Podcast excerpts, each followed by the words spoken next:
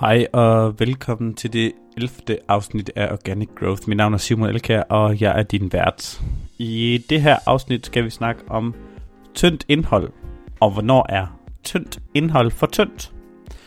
For at lige give lidt baggrundshistorie til tyndt indhold. Altså et, hvad menes der ved tyndt indhold?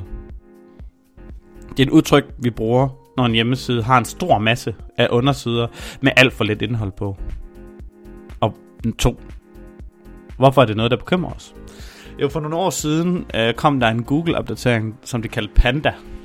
Google Panda tjekker, om du har en overvægt af tyndt indholdssider. Altså er 80% af din underside nærmest tomme.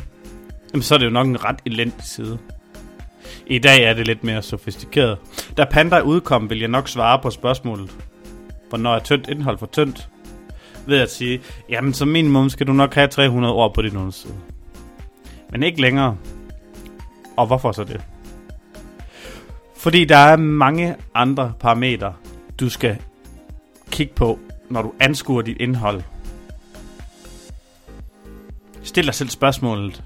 Er den her tekst på din underside så god, som den kan være? Nej. Så optimer eller skriv noget mere. Spørgsmålet om tynd indhold er noget, der bekymrer mange webshop-ejere. Eller måske, som måske sælger tusindvis af produkter med ingen eller meget kort produktbeskrivelse.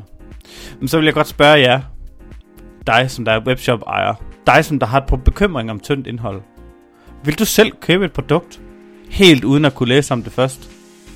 Ja, måske hvis du leder efter en leverandør af et specifikt varenummer møtrikker, eller en LK, LK øh, Fuga stikkontakt med afbryder. Men hvis du ikke allerede er ekspert i det, du skal handle, altså hvis kunden, der handler hos dig, ikke allerede er ekspert i det, de gerne skal købe hos dig, jamen så sælger du ikke nok, hvis du ikke skriver godt nok og god nok indhold.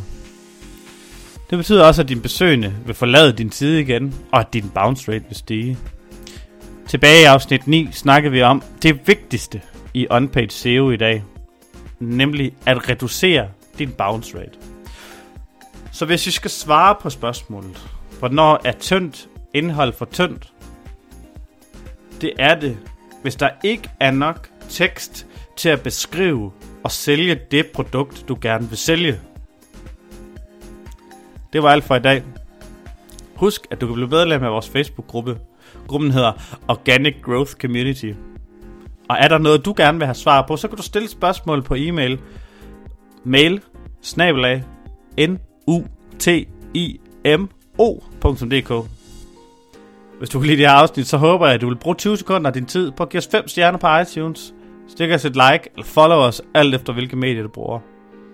I og med, at den her podcast er gratis, så er det alfa og omega, at du kan hjælpe os til at få noget mere eksponering.